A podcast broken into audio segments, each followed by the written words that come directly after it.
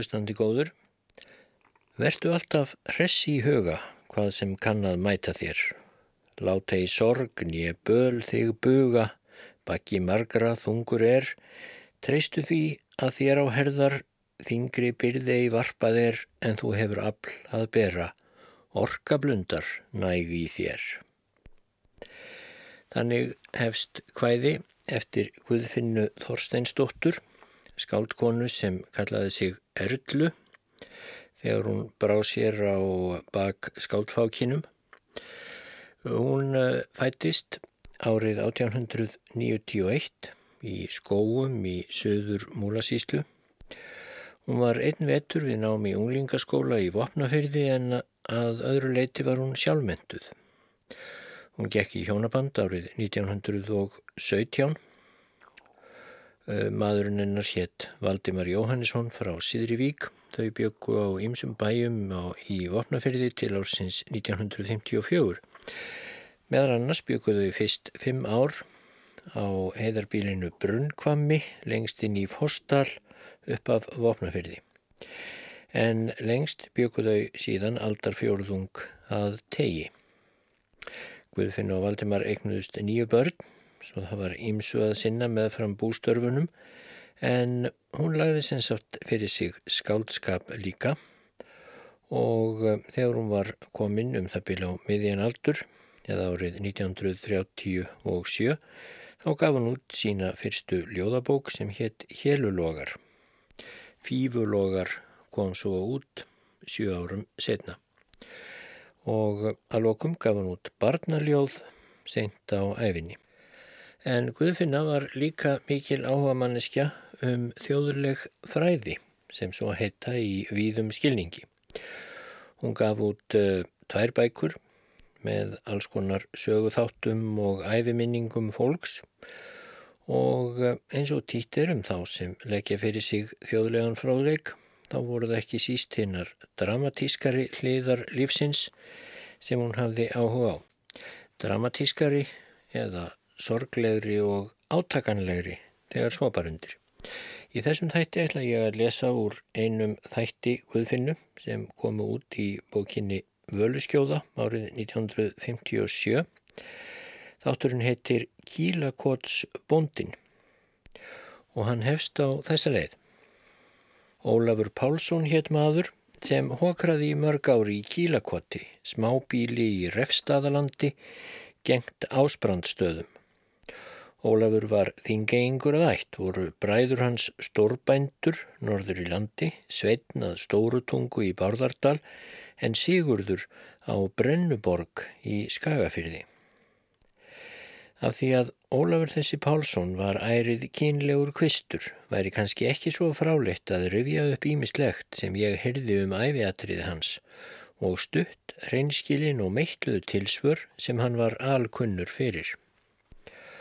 Ólafur hafði kvongast sem aðrir menn flestir, en eitthvað hafði sambúðin gengið skrikkjótt því að konan yfirgaf hann og bröst til Ameríku í einu vesturfaraflóðinu fyrir síðustu aldamót 1900.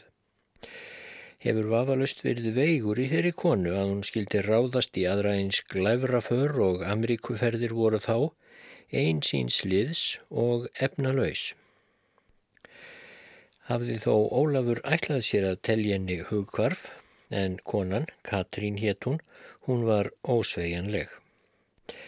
Ekki hefði hún þurft að detta inn einn sérstakann lukkupott þar vestra þó hún hefði skiptum til betri kjara en byðu hennar við hlið Ólafs Pálssonar hér heima og það mun henni brátt hafa orðið ljóst og þess vegna ákvað hún förina. Merkiskona einn sem dáin er fyrir fáum árum, rúmlega áttræð, sagði mér frá brottför Katrínar til Ameríku eitthvað á þessa leið. Hún var þá stödd meðal mannfjöldans sem fylgdi vesturförunum ofan í flæðarmálið og sáð á stíga í bátana og mjakast áleiðist til skipsins sem fluttið á af landibrott. Meðan fólkið var að kveðjast satt Ólafur Pálsson á stórum vörukassa efst í fjörunni og fór ekki dullt með söknuð sinn. Hann grét hástöfum og barmaði sér. Þegar báturinn sem Katrín var í ítti frá landi, fornaði Ólafur höndum og rópaði hástöfum Katrín, Katrín, ég get ekki lifað án þín. En Katrín var köld og rólegað sjá. Hún síndi þess engin merki að hún hyrði neyðaróp einmannsins hvað þá hræriðist af því og þar skildi með þeim endanlega. Ólafur var nú orðin laus úr hjúskapartengslum sínum og bjó fyrst einn í koti sínu þar á Kolbeinstanga utan við vopnaferðar Kauptún. En bráttmun Ólafur hafa fundið það að ekki er gott að maðurinn sé einn eins og þar stendur. Fór hann þá að klóra í bakkan og reyna að fá sér ráðskonu. Varð honum í fyrstu erfitt um aðdrættina hér því kunnur var hann að því að vera innvaldur á sínu heimili og ekki var kofin aðlaðandi og síst þægindunum fyrir að fara, þegar innkom. Veit ég ekkert um hvað hver víða hann bar niður áður en hann fann þá konu sem fylgdi honum lengst. Get ég aðeins nefnt eina stúlku sem verið hafði ráðskona hans árlangt en var ófáanleg til að vera lengur en um samin tíma var hún langt að og mun ekki hafa þekkt neitt til manns þess sem hún vistaðist hjá eða hvernig högum hans var háttað. Voru menn líka alveg undrandi við því að svo gjörfileg stúlka skildi fara í ársvist til Ólafs Pálssonar, eins lítið mannaður og hann var og laus við alla siðfágun. Þessi stúlka hétt Þóranna Ólafsdóttir, bónda á Dalpartslandi, sýstir Marju sem var kona Ríkardar Jónssonar og fleiri þar eistra. Brátt komst þó Ólafur í kynni við unga stúlku sem Guðrún hétt Ejólsdóttir. Hún var vopnfyrðingur að ætt og umkomu laus. Guðrún var lítill að sanda en mér er ókunnugt um ætt hennar að öðruleitin því að fadir hennar drekti sér fram af forvaðanum en svo heitir tangi sem skagar í sjófram rétt framann við Hellisfjöru bakka bæin gamla, neðan við Krossavík. Kona Eyjóls hafði orðið brjáluð svo að veiklun var bersýnilega í kyninu báðum megin hjá Guðrúnu. Og Guðrún sjálf dó í brjálsemi að síðustu. Hún var örgjaði á nokkuð stórkostleg í skapi en hafði marga mætakosti, glaða lund, dugnað og lipurð í verki og svo var hún snirtileg í klæðaburði og ágætlega vel þrifin að ekki sá á henni að neinu sem hún átti að hyrða nema Ólafi en hún gatt ómúlega breytt honum í snirtimenni sem ekki var von. Guðrún þessi var sýstir Jóns Ejjólfssonar sem síðastur manna flakkaði um vopnafjörð nokkru fram yfir aldamótin 1900. Guðrún flutti til Ólafs í kottið og bjó með honum í mörg ár, fyrst á tanganum og síðan í kílakotti. Hún var vel í meðalagi há, grannvaksinn og holdskörp, snirtileg í háttum en fljótlega á svip og í fasi. Hún var gefin fyrir markmenni og skemtanir. Guðrún var danskona mikil og satt sig aldrei úr færi ef um dans var að ræða. En það líkaði Ólafi ítla. Honum þótti Gunna ekki nógu þaulsætin heima og vildi brjóta hana til hlýðni við sig, venja hana af allri mannblendni sem á hans máli hétt einunafni gjálífi. Mun Karl hafa vantreist aðdráttarafli sínu að halda Gunnu við heimilið ef á móti tógaði sollurinn í þorpinu og piltar þeir sem þóttu Gunna létt í dansi. Þótt Ólafur væri hins vegar flestum einrætni og algjörlega ósnortinn af allri siðfágun og samkvæmisháttum, þá lagði hann þó á sig í fyrstu að vaka eftir gunnu þar til hún kom heim. Stundum dvaldist henni svo lengi fram eftir nóttu að Ólafur varð alvarlega hrættur um hana. Fór hann þá inn í kaupstað, raklitt inn í fiskhúsið sem dansað var í, brátt kom hann þar auða á gunnu sem dansaði framhjá á rjúkandi ferð. Hann beigð fram við dyrnar og leitaði færis að toga í hana er hún þyrlaðist framhjá. En Gunna let sem hún sæjan ekki. Þá kallaði Ólafur og eftir henni Gunna, Gunna, ég þól ekki að sjá þig vera að spanna þig. Gunna mun hafa kunnað lægið á Ólafi meðan þau voru í fjölmenninu. Þar fór hún sínu fram og let hann ekki koma fram við sig af nefni harðstjórn. En eftir að þau komust í bastl og einangrun mun hún brátt hafa mist töklin ef ekki hagdirnar líka í sambúðinni sem helst þar til dætur þeirra voru orðnar stálpaðar. Það er eldri komnar undir fermingu. Þau áttu þrjár dætur sem héttu eftir Aldurs Röð, Margrét, Björg og Sigurbjörg. Ímsir viku góðu að Guðrúnu. Tilnemdi hún þar engums og ég heyrði Guðrúnu nöfnu sína í Siðrivík. Í hvert sinn sem hún kom þangað tók Guðrúnana með sér inn í hjónahús eina sér og grófst fyrir um það hvort henni gengi ekki erfiðlega að klæða börnin. Tók hún fram vaðmálsdranga sína og mældi á handlegg sér efni í það sem hann grunaði að mest þörf væri fyrir. Þessum efnum stakk hún svo að gunnu og baðana vel njóta. Sagðist Guðrún hafa búið vel að hugulsemi og útlátum Guðrúnar í Sýrivík, bæði með ætt og óætt. Mér finnst tilhýðilegt að geta hér um eitt smáatvik sem Guðrún sagði mér haustið 1916 er við unnum saman um tíma. Færi ég það Ólafi til intekta því ekki veitur honum af sínu en rétt er rétt og þess má geta sem gertir ekki síst séða vel gert. Guðrún sagði mér að sængurlegur sínar hefðu verið bestu stundirnar sem hún lifði í kílakotti. Þá var Ólafur maður hennar henni alltaf góður, nákvæmur og umhyggjan einn. Hún kvartaði þó ekkert um neitt annað, sagði mér aðeins frá þessu. Nágrannar þeirra komist á snóður um ímsa erfiðleika hennar þar, en um það skal ekki sagt hér, nema því leiti sem ráðam á af líkum út frá sögnum mínum. Littlar eða engar grasnýtjar fylgdu kílakotti en Ólafur ræktaði lítinn grænan túnkraga kringum kofana. Svo fekk hann leifi til að hjakka þar á bökkum hofsár.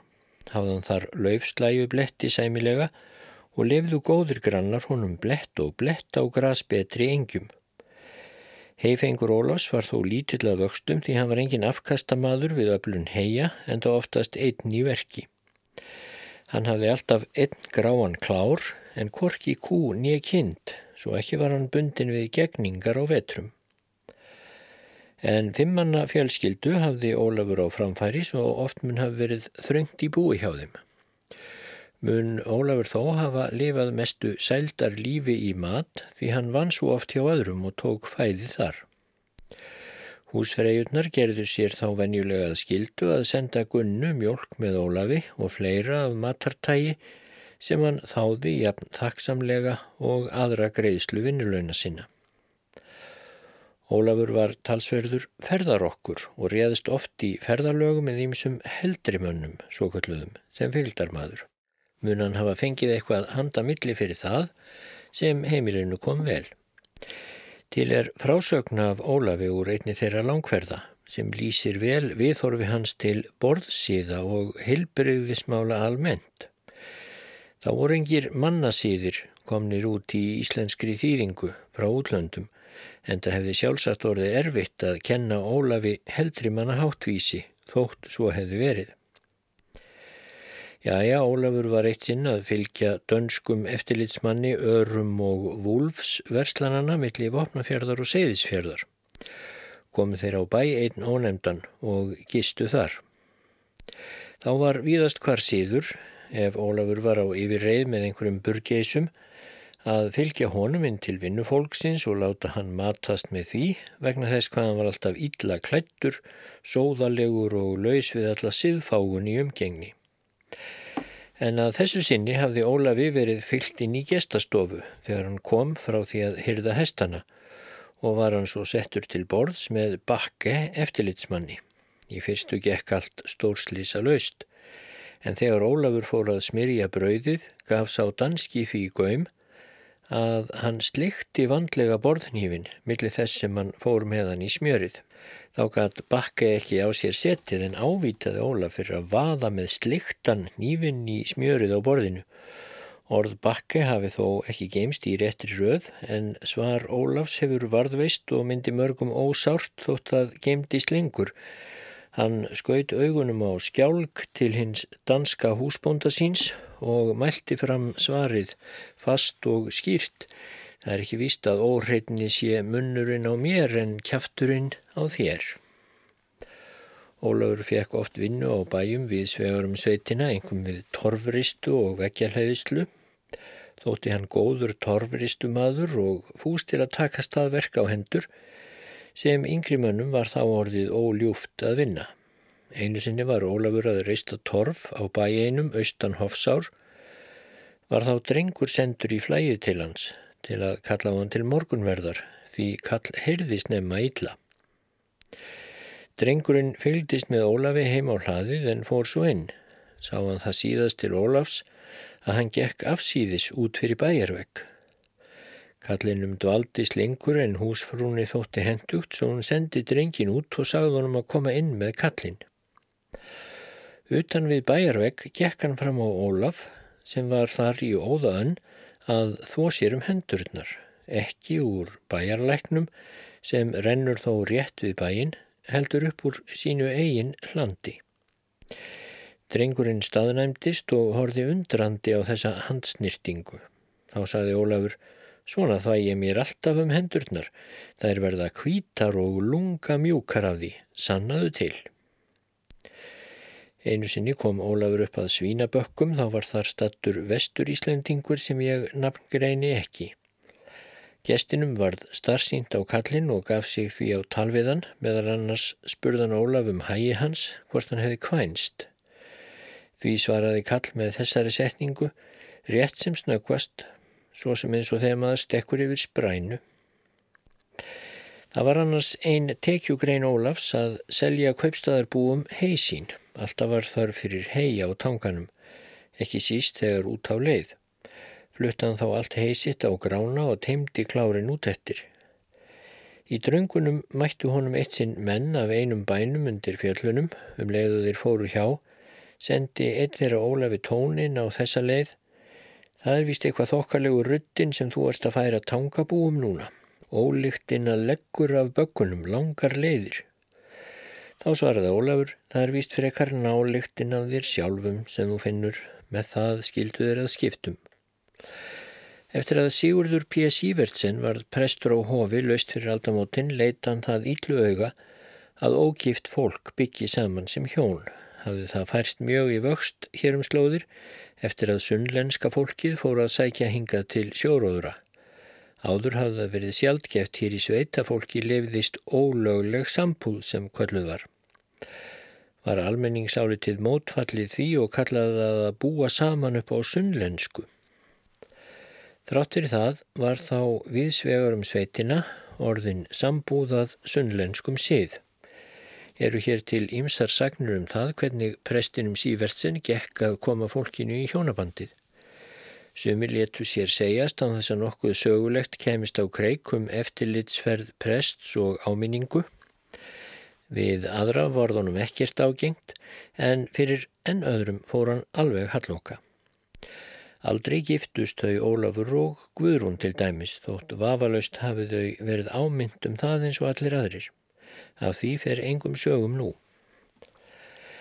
En eftir að Guðrún var farin frá Kílakotti búin að yfirgefa Ólaf og elsta og yngsta dóttirinn einnig, þá var Ólafur einhver ár eftir í kottinu með Björgu dóttur sinni einni. Var það almennt lítið íllu auga, því flestir heldu að stelpanirði aumingi í einangrun með kallinum sem var trölli líkari en manni í hátsemi sinni.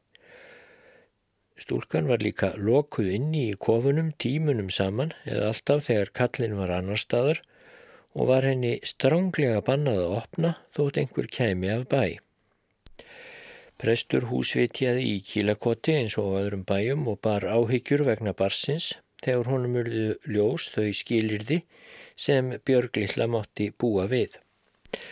Hann vildi koma telpunni burt en kallin lagði blátt bann við að hún yrði tekinn frá sér.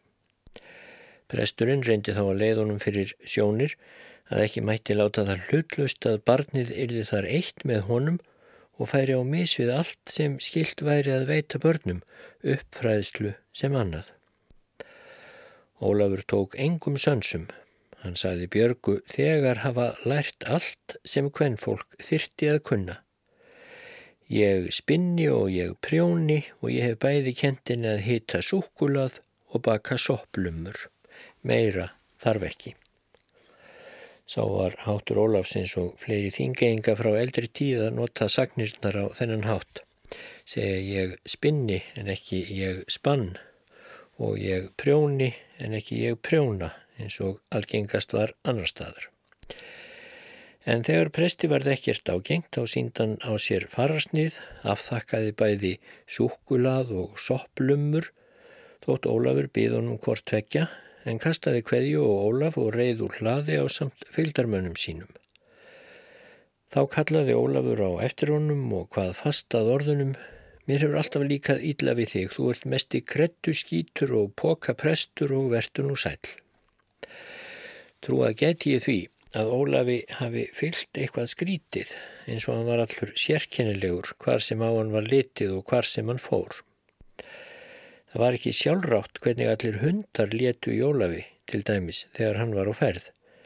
Hundar voru vanir að koma til mótsviðan hálfar bæjarleiðir og fylgjónum álíka langt úr hlaði. Allan þann tíma letu hundarnir í kallinum eins og í bágrækum ramslægum stórgrip Þeir voru urrandi, geltand og glefsandi, stukku upp í kringum kallin svo hann átti fullt í fangi með að verja sig fyrir þeim og komst lítið áfram. Tafði þetta oft för hans um helming, engum þar sem margbílt var og hundathvagan umkringdan alveg. Sá ég hann aldrei verja sig með öðru en höndunum einum, hann sparkaði aldrei í þó, en stundum hafði hann að vísu með sér hríslu sem hann danglaði í kringum sig. Svo sveijaðan hundunum í hálfum hljóðum og fussaði sem gerði þó aðeins ílt verra. Svo voru rakkarnir olmir að þeir eldu kallin yðurlega alveg inn í bæjargöng. Björg dóttir hans hafði við sömu erfiðleikað etja því hundum var jafn uppsigað við hana en það var hún líkt barn föður sínum. Björg litla í kílakoti var annars eftirlæti föður síns og lifandi eftirmyndans en það mótaðist hún mest af áhrifum frá honum sem vænta mátti meðan þau voru einn saman í kotinu. Eina mynd ætla ég að sína af uppeldisháttum Ólafs eftir það hann varð einnum hittuna. Kom hann einn sunnudag að vogum með dóttur sína þá var þar gestur fyrir sem ég heyrði segja frá þessu. Þegar feðgininn komu inn úr dyrunum tók Ólafur um herðardóttur sinni og ítti henn á undan sér fyrir hvern mann sem inni var. Hann heilsaði með handabandi, sæl verð þú eða sæl eftir því sem við átti, en að því búinu bættan við, hún segir, komiði sæl, en ekki mumpaði í björgu og engum rétti hún höndina. Þegar þau höfðu drukkið kaffi stóð Ólafur upp, ítti Björgu á undan sér til húsarafunda, þakkaði fyrir sig og bætti við, hún segir takk fyrir sig, en steinhljóð var alltaf hjá Björgu. Þau töfðu svo lítið eftir kaffidrykkjuna. Kom því brátt að kveðjunni, en ítti kall dóttur sinni fram fyrir alla nærstatta, kvatti sjálfur með handabandi og saði, hún segir veriði sæl en ekki síndi Björg neyn merki þess að hún hefði mál, hvað þá meira, var hún þó fermingaraldri þegar þetta var. Á þessum tímabili kom Björg einn sunnudag að Sidrivík meðan Sigurður Guðjónsson átti þar heima. Þar voru fleiri gestir, meðal annars eitthvað af unga fólkin úr Krossavík. Fóru allir í leiki og dönsuðu sér til gamans. Björg tók þátt í leikjunum en satt hjá meðan dansað var og horfi á hugfangin. Húsmóðurinn spurðana þá í hugsunarleysi hvort hún kynni ekki að dansa. Brá Björgu þá í föðurkinn um svarið sem var stutt og mittlað það dansar enginn við sjálfan sig. Leið samt ekki á löngu þar til í ljós kom að Björg sór sig ótvírætt í móðurkinnið.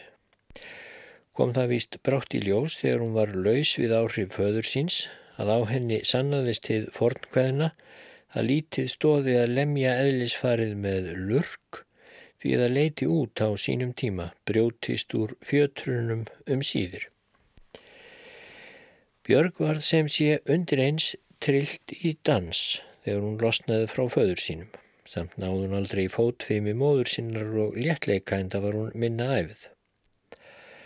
Satt Björg því oftast hjá sér til sárar gremju þegar dansað var þar munu áhrifin frá föðurnum hafa vegið á móti sem og útleitt bjargar sem ekki varðinni til framdráttar og almennur heimalningsháttur. En Ólafur lifði það þó að sjá ólökku gjálífið í gunnu eins og hann komst að orði ganga í ættir meira en hann hefði óskað. Þegar Björg átt að fermast var móður hennar orðin þjónustu stúlka út í kaupstaðnum í fínu húsi. Fór hún fram á að Björg erði fermd á vopnafyrði svo hún ætti hægt með að útbúa hanna og vera viðstödd ferminguna en Ólafur tók því fjari. Komst hann þá svo að orði um gunnu, ég held hún geti dinglað hingað upp eftir og þar við satt Björg var fermt á hofi. Ólafur þótti ekki vand ætin um dagana, gengum það ófagrar sögur hvaðan legði sér til munns. Verða þær ekki, sagður hér, en eina sögu hef ég þó óhíkað eftir sem ég heyrði Björn á rappstöðum segja frá. Hann var ekki skröfull maður en merkur og traustur í kvívetna. Björn misti eitt haustið sex ær af bólusótt, var búið að hyrða það af kjötinu sem nótæft þótti, en bólusettu lærin hengu úti, svar blá og ekki beint gyrnileg til átu. Átti að hyrða þau í hundana, en þá kom Ólafur að rapstöðum, sá lærin, svona ítla útlítandi og bað Björn gefa sér þau. Var það auðsótt. Ólafur varð gladur við, hvaðast ætlað borða lærin, sagði þetta væri fínasti matur. Voru þau hjónin vísus til að bæt honum lærin með einhverju ætilegra þó það fylgi ekki sögunni. Ólafur fekk alltaf orð fyrir að líta konur hýru auga jafnvel meðan hann bjó með gunnu sinni gerðan sér þá tíðförult á grannabæina ef hann vissi þar um ógefnar konur sem hann taldi góða kvenkosti. Til merkisum þetta ætla ég að nefna dæmi. Á bæinum ekki all fjari kílakotti hafði Ólafur uppgötvað unga stúlku sem var fylgikona bóndans þar. Karl fekk ágirind á þessari blómarós og kom svo ársinni fyrir borð að hann reðst til bóndans sem kaupamaður eitt sumar. Ólafur vann þar allt það gagn sem hann mátti en sati jafnframt um hvert tækifæri til að létta sem mestu erfiði af ráðskonunni og koma sér í mjúkin hjá henni. Atvikinn urðu honum þá svolítið holl að ráðskonan helt við rúmiðum tíma í einhverjum veikindum og hekk kallin yfir henni öllum stundum. Þegar hann var þessum síðir fullviss að hún vildi ekkert með hann hafa, þá let hann loks af komum sínum þangað en þá þóttist hann hafa verið gappaður af þeim báðum og hann sagði ráðskonun að hafa kynnt sig til að leta verkum af letingjanum sem hún byggi með, þar segja bóndanum. Því til sönnunar var hann óspara á eftirfarandi sögu, eitt sinn vorum við tvö ein inni, ég og ráðskonan, sagði ég þá við hana til að leita hófana. Ég vildi að ég ætti þig, Stefa mín. Þá sagði hún, já það væri nú. Þetta kalla ég ekki afsvar, bætti Ólafur þá við, því til sönnunar að hann hafi haft rétt mæta ástæðu til að gera sér vonir um stúlkuna. En eftir að Guðrún yfirgaf Ólaf þá sló hann sér á flakk norður í landum tíma. Var þá ætlun manna að hann væri að finna ætt fólk sitt og munan þá jafnframt hafa haft bakvið eirað að fara á vit við góðan kvennkost sem hann hafði uppgötvað áður en var þá þar í norðrinu. Í þeirri ferð gerðist að minnst að kosti eftirferandi atvik sem ég er vel aðkomin og hef frá nákunnum heimildum. Umgetinn stúlka vakti þá einan ótt yfir móður sinni fár veikri.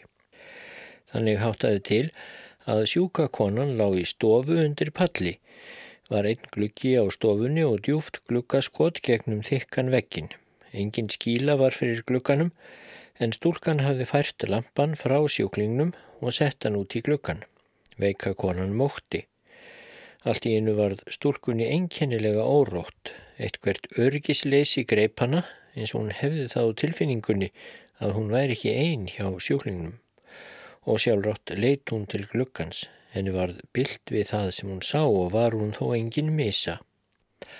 Á glugganum sá hún náföld andlit, rúnum rist og þreitu sljótt, harla ótótlegt, half byrkt úpnu hárstríi og moldrauðu stríðu skeggi. Hún starði augnablík sem högdofa á þessa óhugnanlegu sjón sem hún hugði vera andlátt svip Ólafs Pálssonar þótt hún hefði ekki frétt látans. Þá var sem kallin áttaði sig á því að hann myndi hafa skjeltana. Færðist á allt í einu líf í andlitið á glukkanum sem henni hafi virst vera dögt og inn til hennar barst kunnulega rödd er mælti aðeins þrjú orð sem áttu að lýsa bæði undrun og feginleiki senn, já Stína mín. Stúlkan vakti þá bróður sinn og baðan að vinna kallinum beina og hólunum niður einhver staðar fjari í sér. Þetta var allt og sumt sem Ólafur hafði upp úr þeirri likju sem hann lagði á leið sína til að sjá stúlkuna. Þegar Ólafur var nýkominn úr þessari ferðsynni til áttagana saði nágranni einn við hann, þú komst fljóttar heim úr ferðinni en menn byggust við menn heldu að þú myndir setja stað hjá öðrum korum bróður þínum. Þá hefðu vist ekki munaðum að veita þeir viðtöku, engum þann sem ríkari er. Ólafur svaraði aðeins, nei, hann hefði ekki munaðum það, en hann átti konu. Síðar kom á daginn það sem almenningur hafði óttast að Björg, lilla dóttir hans í Kílakotti, bar þær menjar eftir uppeldið að hún nöyð sín aldrei meðal manna. Ólafur hraktist frá kílakotti og heimilið leistist upp. Björg var nokkur ári í vistum en brjálaðist að lokum. Síðast átt hún heima í frambænum á ljótstöðum hjá Kristrúnu Kristjánsdóttur á ásbrandstöðum. Endalók Bjarkar urðu með þeim hætti að hún hafði farið upp úr rúmi sínu í brjálaðiskasti, fáklætt mjög og út í stórrið. Þetta var um hánótt og allir í svefni. Hún varð úti og fannst daginn eftir. Tók það meira á Ólaf en nokkur veit hvernig endalók hennar urðu. Guðrún Ejólsdóttir, móðir Bjarkar, fór til Reykjavíkur og vann þar í húsum um skeið. Síðustu æfi ár sín var hún ráðskona hjá gamlum skipstjóra og átti þar góða æfi, var vel klætt og egnaðist snotra húsmunni. En allt í einu kom geðveikinn fram í henni líka svo hún varð skindilega vitskjert og dó í því ástandi á elli heimilinu grund. Margrét, elsta dóttir Guðrúnar og Ólafs, síndi mikinn dugnað í því að drífa sig til Ameríku, einsýns liðs og efnalaus. Það regnaðist Margrét mann og börn. Mun hún hafa farið 1912 eða þarumbil en Sigurbjörg, yngsta dóttir þeirra, dó innan við tvítugt úr tæringu. Ólafur Kallin var nú orðin einstæðingur í veröldinni, fluttan þá út á tanga og byggði sér kofa í búðaraukslinni ofan við köpstæðin.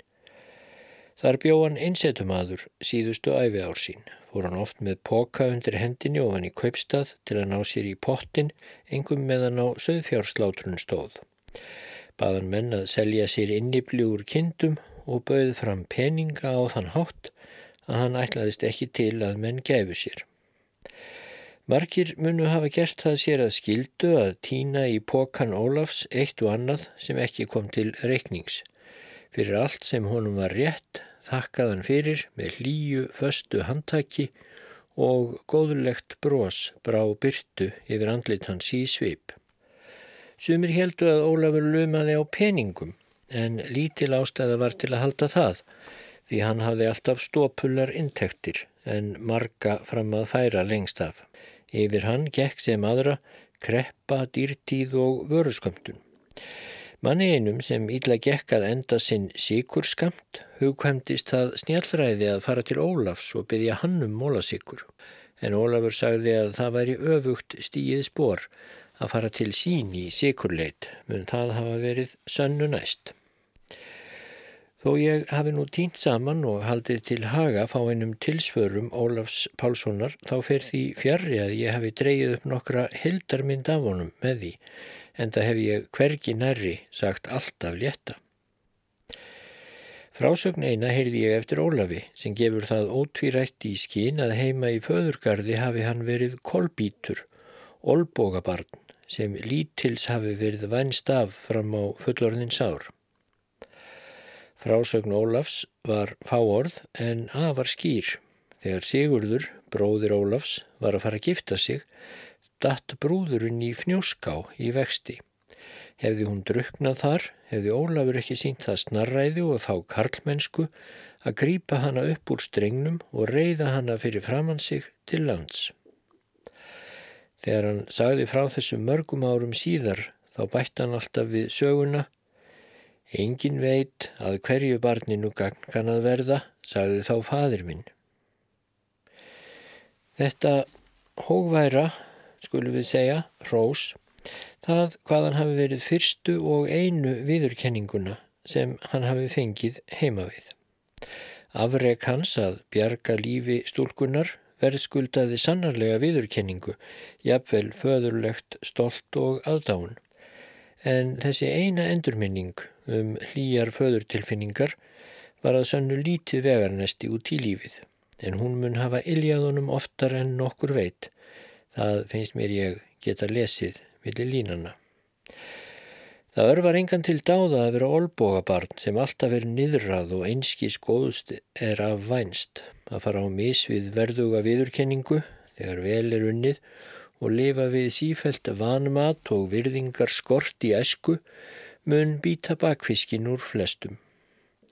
Fæstir unglingar eru svo vel gerðir að þeir stækki og þroskist að manngildi gegnum hvað sem er, hversu illa sem að þeim er búið meðan þeir að mótast í deglunni, lái hver þeim sem vill, sem vaksið hafa upp við kærleiks skort og kulda, þótt eitthvað gangið þeim öfugt og antælis í lífinu. Ég vildi leiða hest minn hjá því að dæma það hart sem ekki virðist mót von. Eftirfærandi frásögn barst mér nýlega í hendur um kílakottsbóndan. Sumarið 1906 kviknaði í Timburhúsi á Ásbrandstöðum rétt á móti kílakotti. Guðmundur Kristjánsson Póstur hafði fyrir skömmu látið byggja húsið og voru þar í veði ímsir góðir munir. Áður en sagan lengist verði ég að fleigana með því að Guðmundur Póstur átti sístur væna álitum og það hafði ekki færið fram hjá Ólafi Pálssoni. Þegar hér var komið sögu var svo væna stúlka trúlofuð manni suður í Reykjavík svo Ólafur mun hafa séð sitt ráð óvætna með að eignast hvenn kostin þrátt fyrir marg ítrekkaðar tilraunir. En lengi mátti vona. Hann kom nú á vettvang fyrstur manna og var þá ekki einhamur og gekk eins og berserkur að björgun. Fyrst bjargaðan lífi karlægrar konu, Karitasar Didriksdóttur og fór með hana eins og fís eitt út úr bænum. Brátt þustu næstu nágrannar að og gengu í að bjarga. Kristján Eymundsson á Fásgrúðsbökkum og Gísli Helgason á Egilstöðum urðu samferða í hlaðið urðu þeir ásjáandi að því að Ólafur kom þá út með eldavélina í heilu lægi eins og hún lagði sig með múrum og öllu saman. Hann bar hana einn út á hlað, sett hana þar niður, skirti hraustlega í báða lofa sína, leitt dríindarlega til sýstur Guðmundar Posts sem hafði komið út á hæla honum og meldi Heldur þú að þessi pikkurðin þarna fyrir sunnan hefði geta gert betur? Eldavílin var reyndar af stæstu gerð, pottklumpur mikill á fjórum fótum, nær því fyllt upp með múrsteini. Margir muna þessi gömlu bákn og þekkja af eigin sjón og reynd og myndi engin kunnugur ef að sá hliti að vera ærið handþéttur sem færi með slíkan hlut gegnum fleiri eða færri herbergi og út úr brennandi húsi. Þó mun fyrsta átækið vera einna snarplegast að kippa öðru eins bókni upp í einni svipan eins og þurft að festa þær við golf og þiljur með járnvörðum reikháfum. Döldu menn sem tilþektu að vélar af þessari gerð í sama ástandi og þessi væru 5-6 manna takk en slippar og snauðar stífasta æki fyrir hvern hest. Mjölkur skilvinda var á ásbrandstöðum Alexandra nr. 12. Þetta voru fyrstu skilvindur sem hingað komu, stórar, fljótvirkar og allþungar. Skilvindu bekkir voru því hafðir mjög þykir, gjarnan úr plöngum og var bekkurinn ramlega festur með naglarekstri helst í horn þar sem hann fekk sem bestan stöðning. Ólafur hafði fyrst gengið að skilvindunni, kift bekknum upp með einu taki og borið allt út í heilu lægi, bekkin með skilvindunni á og valið í sléttan stað og settað svo undur kyrfilega frá sér á þess að nokkuð hakkaðist. Þetta hefur verið svo lítill forleikur að hinnu sem á eftirfór þegar hann kom út með eldavélina. Þessi er ekki getið að Ólafur hafi verið neitt línari af sér en endranæri á eftir hvað þá farlama eins og oft vil henda þá sem hamramir eru. Þarna kipir Ólafi í kín til gömlu kappana í fornsögunum, bæði um afl meðferð og meðvitundina um krafta sína og áhrif aflsins og karlmennskunar á hugi kvenna. Hann hefur sjálfsagt vonað að nútímakonan kynni að meta karlmennsku á sama hátt og fornkonur voru sagðar gera en eitthvað misreiknaðan sig á því. Og nú segir af endalókum Ólafs. Ólafur Pálsson satt tímunum saman á rúmi sínu og rýri fram í gráðið, raulandi fyrir munni sér. Hann leitaði aldrei á náður annara og þar andaðist hann, án mannlegar hjálpar, hann fannst örendur við rúmstokksinn, krjúpandi á gólfinu, lútandi yfir setstokkin. Mísnar einar hafa verið í kringum hann þegar hann fjall en ekki aðrar lifandi skefnur. Kanski hefur hann verið að gera bæn sína þegar kallið kom. Við skulum vona að svo hafi verið. Ólafur Pálsson var lágur maður vexti en samanrekinn og styrðilegur nokkuð. Jafnun var hann luralega klættur og óhrein nema hendur hans. Þær voru kvítar og lunga mjúkar, svo ég noti hans eigin orð. Óklift og órektað hár og skegg huldi andlit hans að mestu. Skeggið var riðröytt að lit, rokkið og strýtt, augnaráð hans var ódjarflegt, leit hann aldrei beint á neitt. Heldur skaut augunum á skjálg og lagði kollhúfur sitt á hvað eins og heyrnardöfum hættir við að gera. Honum lág látt rómur, svo nærri stappaði rattbílun en hann hvað fast að orðunum og talaði einnig ljóst með sveibrigðum sínum svo vel mátti nema mál hans þótt lámæltur væran. Ólafur gæt mynd á útilegumann eða kannski öllu fremur á gravara sem er nýbúin að taka gröf en ekki ennbúin að skipta um född. Moldar líktinn fylgd honum alltaf eftir. Dómar almenningsum Ólaf Pálsson voru miður góðgjarnir. Flestum hættir við að miskilja þá sem er eitthvað frábrugnir Sumir þóttust vera smekir við Ólaf en aldrei vissi ég til að hann ætti það skilið. Hann var svo mikið karlmenni að burðum að enginn vissi aflhans eins og heyrðist hér áðan. Tók hann þó valla á því sem hann átti til nema stöku sinnum sem hann vissu til en fáir hefðu ráðið við að eiga ílt við hann. Grunar mig að flestir hafi miskilið Karl Tetrið að hann hafi haft betri mann að geima en almennt var ætlað. Það dýfkar á því góða í flestum sem mæta víðast hvar miskilningi. Ólafur reyndi til hinstu stundar að vera ekki upp á mennina komin. Engin er svo voldugur að ekki hafa hann einhver tíma þurft mannlegurar hjálpar og orðið henni fegin. Þannig gerir jarðvistinn alla jafna, bæði við fæðingu þeirra í heiminn og brottflutning hérðan.